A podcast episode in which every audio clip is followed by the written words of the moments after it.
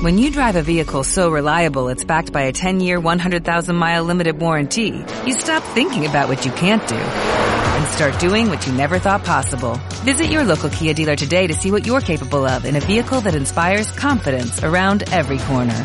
Kia, movement that inspires. Call 800-3334-KIA for details. Always drive safely. Limited inventory available. Warranties include 10-year 100,000-mile powertrain and 5-year 60,000-mile basic. Warranties are limited. See retailer for details.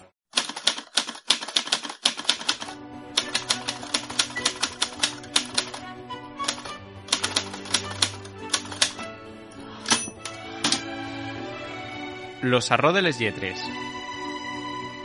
Parlem de literatura amb Rubén Lombarte.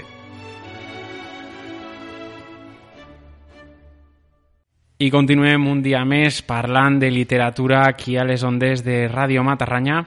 Ho fem en aquest espai que, com ja sabeu, es diu Los Arro de les Lletres i en el que col·laborem, com sempre, com no, en l'ajuda de Rubén Lombarte. Molt bon dia, Rubén. Hola, José, molt bon dia. Bueno, avui anem a parlar d'un autor d'aquí del Matarranya, parlem de Braulio Foz. Avui un programa dedicat a, a la literatura del nostre territori, no? Sí, eh, bueno, la temporada passada ja, ja, ja li vaig estar donant voltes a veure quin dia acabaria, acabaria apareixent probablement l'escriptor més emblemàtic que hem tingut al Matarranya, no? Eh, perquè, bueno, eh, hauríem de dir que a Fornols, a finals del segle XVIII, pues, va néixer pues, segurament una de les persones més il·lustres que hem tingut al llarg de la història al nostre territori.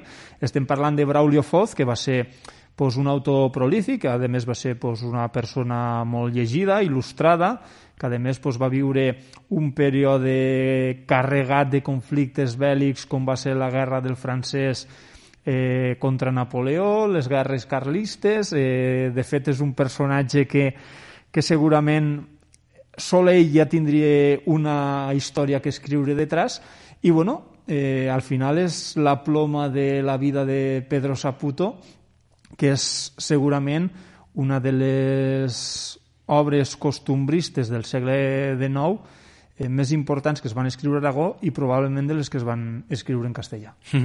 bueno, Rubén, com bé dius, avui parlarem tant de l'autor Braulio Foz i d'esta obra, La vida de Pedro Saputo, si te pareix. Anem a començar parlant ara una mica de l'obra.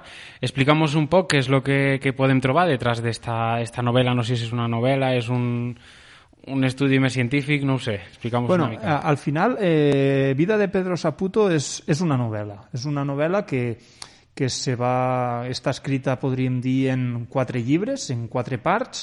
A més, pues, cada part eh, pues, eh, se centra eh, en un moment de la vida d'aquest personatge de ficció que és Pedro Saputo i bueno, al final la història se divideix en quatre parts i en capítols molt, molt curtets. Capítols que en l'edició que tinc jo, pues, a lo millor el capítol més llarg deu tindre 5 o 6 pàgines. Uh -huh. És una història molt àgil que el que ens ve a narrar és la vida d'aquest personatge de ficció, de Pedro Saputo. ¿vale? Eh, és un jove eh, que va néixer al Mudebar, eh, que pues, eh, anirà descobrint món. És una història molt senzilla, una història de, de costums on ens apareix pues, un jovenet eh, que, que veiem que, pues, bueno, que té molta facilitat per a dependre oficis, que té molta facilitat per a aprendre lletra, que, que té molta espenta i, i al final que se mou eh, en, una, en un entorn social que vindria a ser l'Aragó del segle XIX i on d'alguna forma eh, esta novel·la, Vida de Pedro Saputo, pues, pues mos mostra una mica quina era la realitat social d'aquell Aragó pues, bueno, que al final eh, vulguem o no, pues, està una mica tocat per, per tot el que van suposar eh, els conflictes bèl·lics, les conteses d'aquell moment. Recordem pues, bueno, que eh, va estar la guerra del francès entre tropes espanyoles i tropes eh, de, de Napoleó, després vam tindre eh, bueno, el retorn de, de Fernando VII, el triani liberal, eh, l'entrada al retorn de l'absolutisme, les guerres carlistes, la veritat és que va ser un període apassionant, eh, un període molt conflictible del segle XIX, i bueno, a través de la vida de Pedro Saputo, que això sí, la guerra pues, eh, no la centra moltíssim, sí que apareix en algun episodi eh, pues, se'n parla una mica d'algun tipus de conflicte, però bueno, al final eh, lo que narra la vida de Pedro Saputo vindria a ser lo dia a dia eh, lo que se, a ser la, una novel·la de costums d'un període com va ser el segle XIX. Com bé diu Rubén, una obra marcada en el temps en el que es va publicar en el seu context. Va estar publicada el 1844, com diu segle XIX, marcada per aquestes guerres. És important entendre no, este context per poder entendre millor l'obra, no? Bueno, eh, al final, eh, com te dia, el llibre no se centra gens en els conflictes, però sí que se centra una miqueteta, pues, a lo millor, en el caràcter aragonès de, del moment. De fet, eh, eh, Braulio Foz era eh, un d'estos aragonesos defensors dels fueros, o sigui, un, un aragonesista com, com segurament avui no, no, no trobaríem.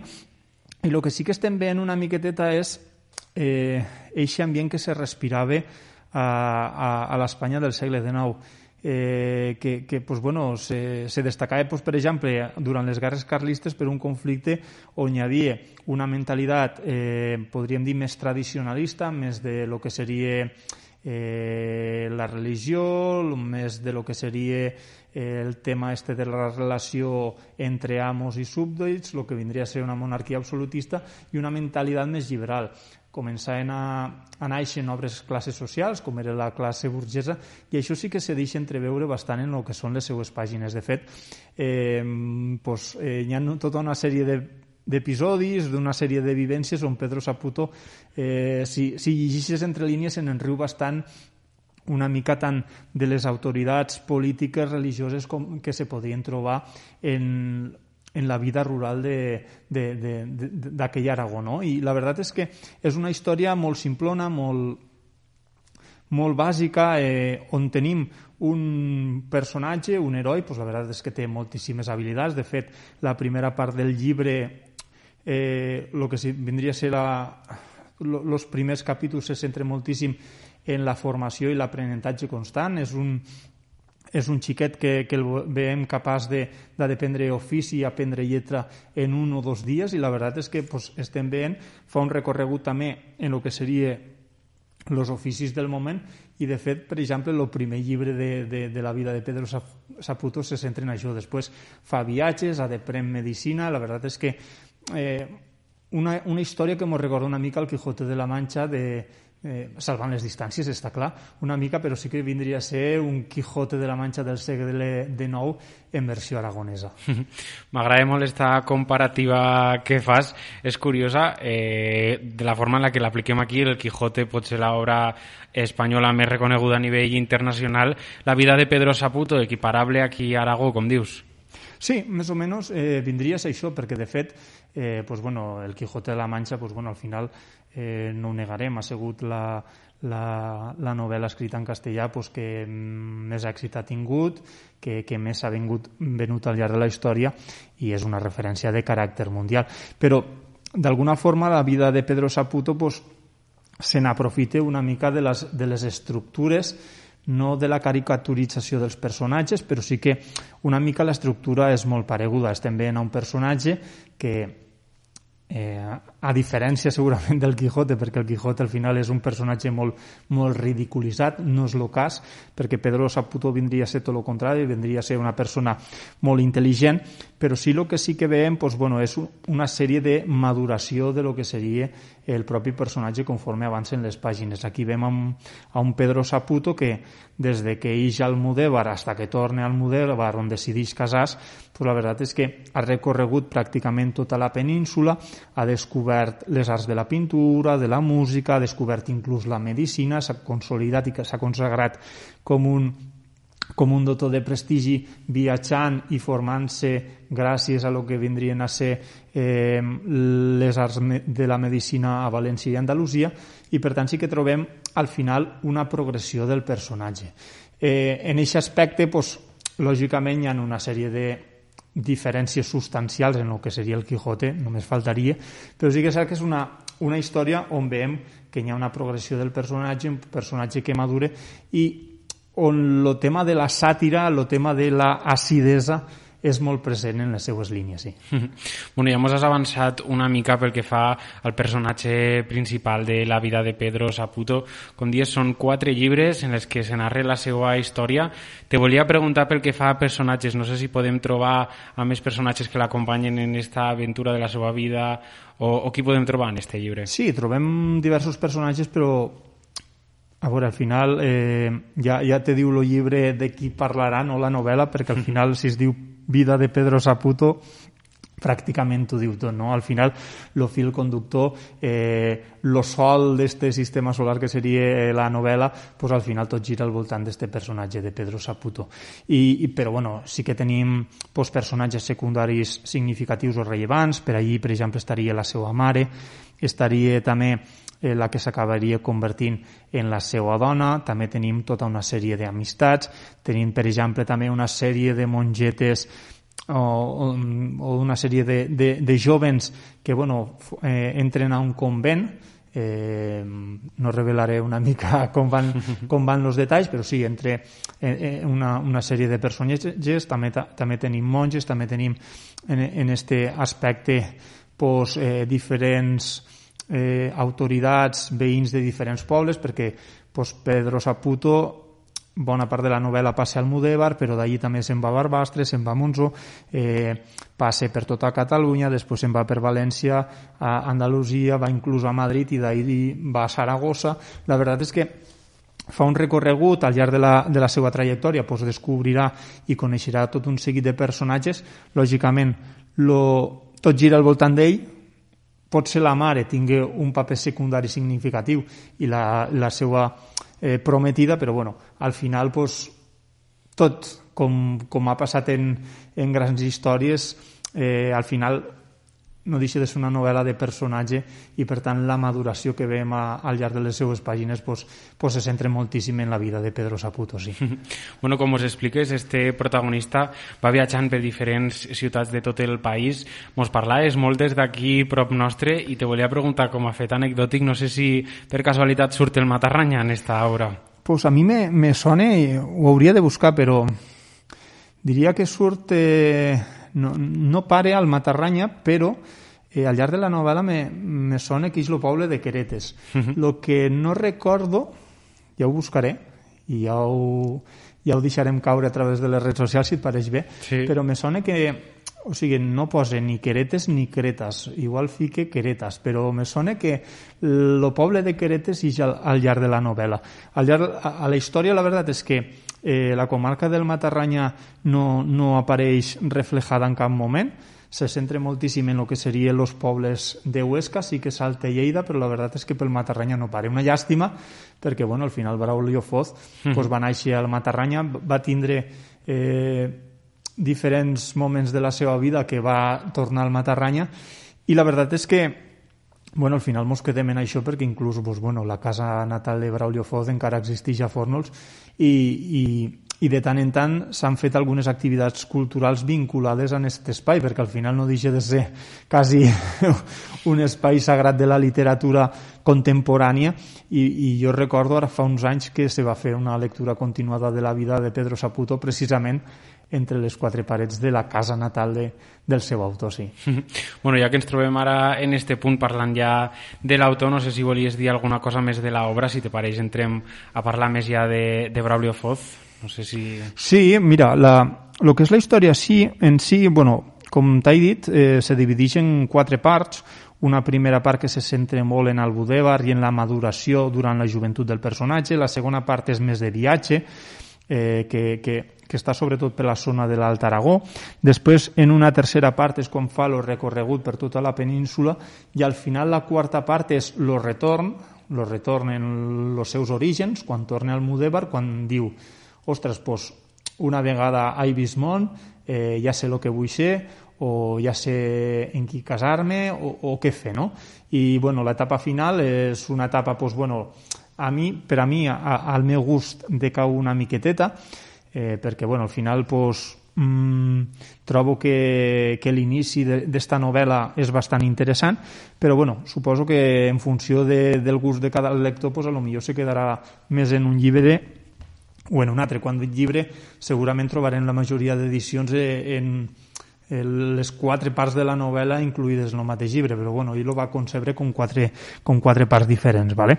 I bueno, al final, eh, el que sí que és cert és que Bueno, és un llibre que, com t'he dit antes, els capítols són molt breus, o sigui que en 3, 4, 5 minuts te, te pots llegir un capítol, per tant és una novel·la molt àgil.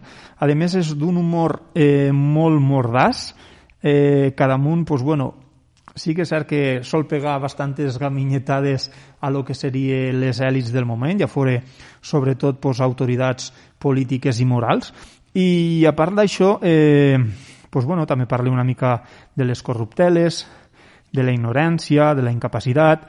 Eh, la veritat és que és un llibre pues, bueno, en, en aquest sentit molt mordàs, perquè bueno, ell també va ser una persona que no va tindre pèls a la llengua, el propi Braulio Foz, i que així li va anar, eh? perquè la veritat és que, com te dia, eh, la història del propi escritor quasi mereixeria una novel·la com la que ell va escriure.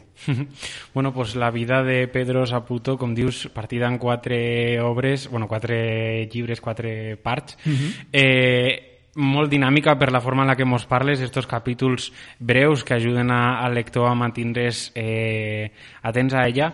I bueno, te volia preguntar, no sé si esta és l'obra més destacada de, de Braulio Foz al llarg de la seva trajectòria com a escriptor o si també ne pots recomanar alguna altra. A veure, jo, eh, sincerament, i, a veure, Braulio Foz al final va ser una persona de, de lletra, va ser catedràtic, va estar a la Universitat de Saragossa, va fundar diaris, la veritat és que va ser una persona molt activa, eh, sobretot a nivell de formació, a nivell de docència, a nivell d'implicació política inclús, perquè eh, podem parlar una mica del personatge si vols, però la veritat és que va ser una persona molt activa, que així li va anar, eh? Uh -huh. eh va ser empresonat a Lleida, eh, expulsat i va, va passar eh, dos èpoques d'exili a França, inclús se va salvar de la pena capital de Miracle, o sigui, va ser un personatge en si que, que va donar molt que parlar, sobretot perquè, a més, o sigui, va viure en una etapa on on tot era blanc o negre, no?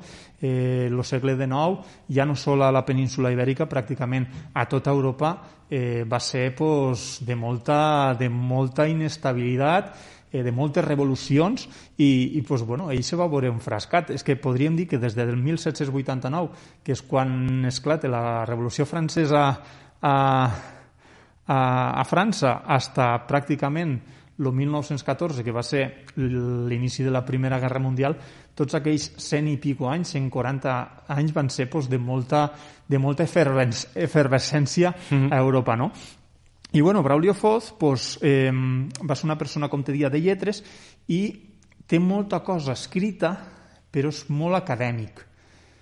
I també és cert que, bueno, eh, el, no sé si va ser als anys 40 o això, eh, pues, les persones que vivien a la casa natal de Braulio Foz se veu que van fer molta purga de, de, de material que tenia ell escrit inèdit i a lo millor s'han perdut algunes coses que ell que, que ell va escriure i a lo millor podien ser interessants. Mm. Però en quant, a tot, a, a quan al tema de ficció, ens hauríem de quedar en la vida de Pedro Saputo perquè, ja t'he dit, eh, és la seva obra mestra i al mateix temps s'ha convertit en una de les obres més rellevants, més simbòliques de la literatura contemporània a l'Aragó.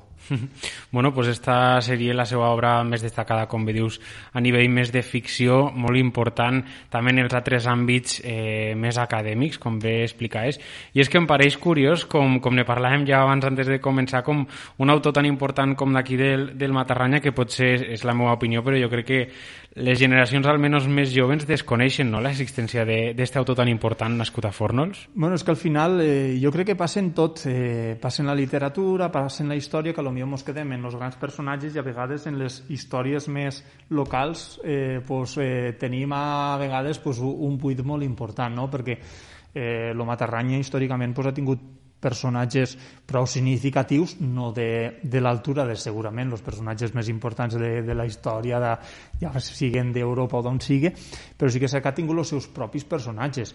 Eh, així, de relativament recents, doncs, bueno, per, per exemple, teníem aquí a Pena Roja l'escriptor Desiderio Lombarte, tenim encara en vida a Juan José Omeya de Queretes, però al final són personatges il·lustres doncs, bueno, com, com teníem també este torero de Cretes eh, Nicanor Vilalta, teníem a Blai Ferrer a, a, a Montroig, teníem a, a Braulio Foz a Fornos, o sigui, hi ha tot un seguit de personatges que, que lamentablement, pues, a lo millor, si no és una miqueteta per interès propi, pues, a lo millor passen desapercebuts perquè segurament els llibres d'història o de literatura o els, o els llibres d'història universal no t'apareixeran.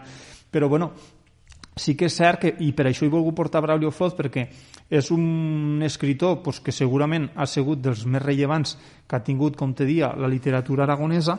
I, i a part d'això perquè és un personatge molt interessant. De fet, pues, bueno, eh, ell per exemple eh, va dependre lletra a, al, al Convento del Desierto que, que és un espai eh, espectacular, impressionant que hi ha al terme municipal de Calanda de fet, entre la Ginebrosa i Calanda, o si vols també entre Torrebellilla i Calanda, eh, hi ha una uh -huh. sèrie de pistes que te porten a un convent que és espectacular, que és un convent que, que pues, bueno, al final va acabar desapareixent o, o se li va donar desús en les desamortitzacions de Mendizábal, que van ser precisament eh, uns episodis històrics previs a lo que van ser la Primera Guerra Carlista.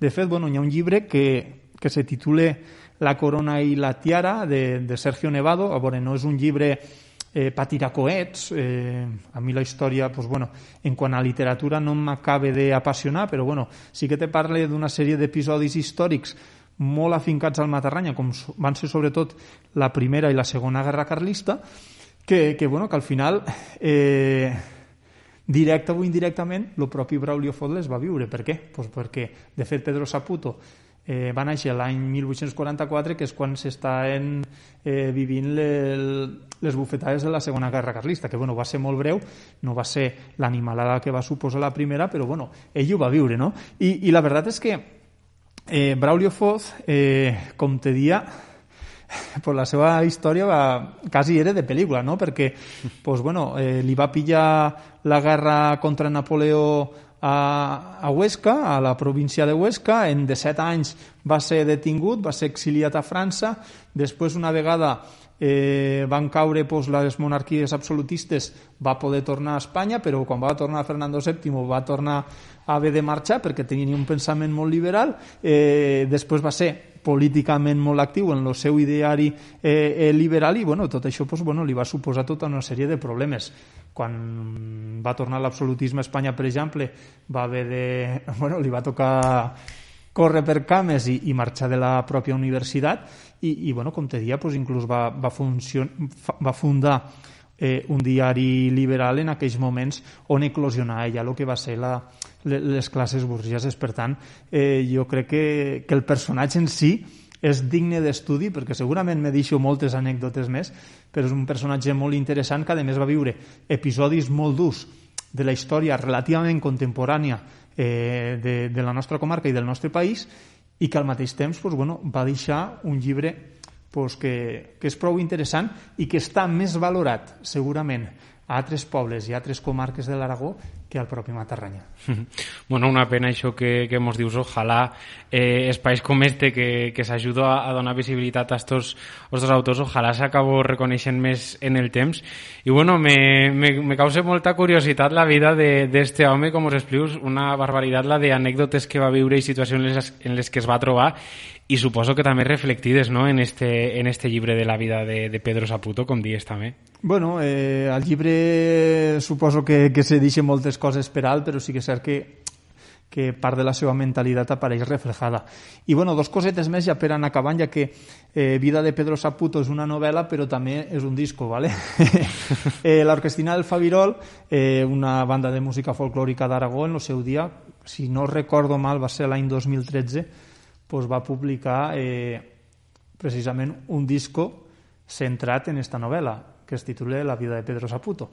I una curiositat eh, també que jo crec que, que, que bueno, d'alguna forma marca també la importància o la relativa importància que té la novel·la eh, eh, on està ambientada és que els veïns i veïnes d'Almudévar, que és on va néixer el personatge de ficció Pedro Saputo, pues los, los diuen de mote saputos. És curiós.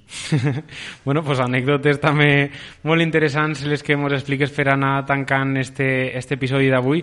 I bueno, pues com diem, avui hem parlat de la vida de Pedro Saputo, autor del Matarranya, bueno, llibre d'autor del Matarranya, de Braulio Foz. Com ja vas preguntar en el programa anterior, per tancar, no sé, si mos pots donar tres adjectius per descriure esta obra o este autor. Pues tres adjectius, a veure.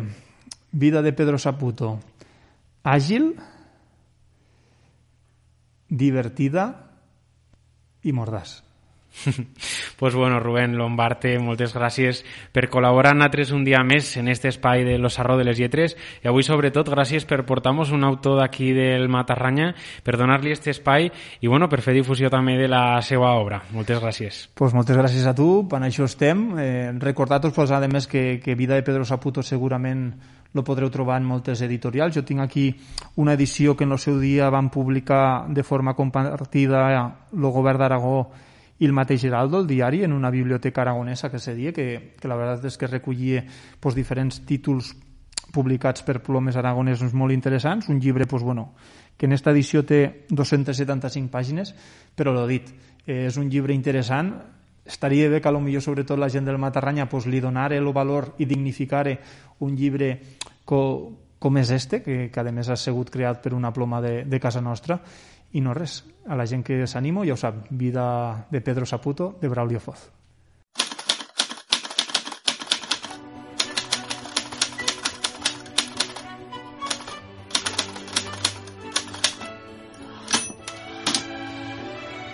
Los Arró de les Lletres Parlem de literatura amb Rubén Lombarte.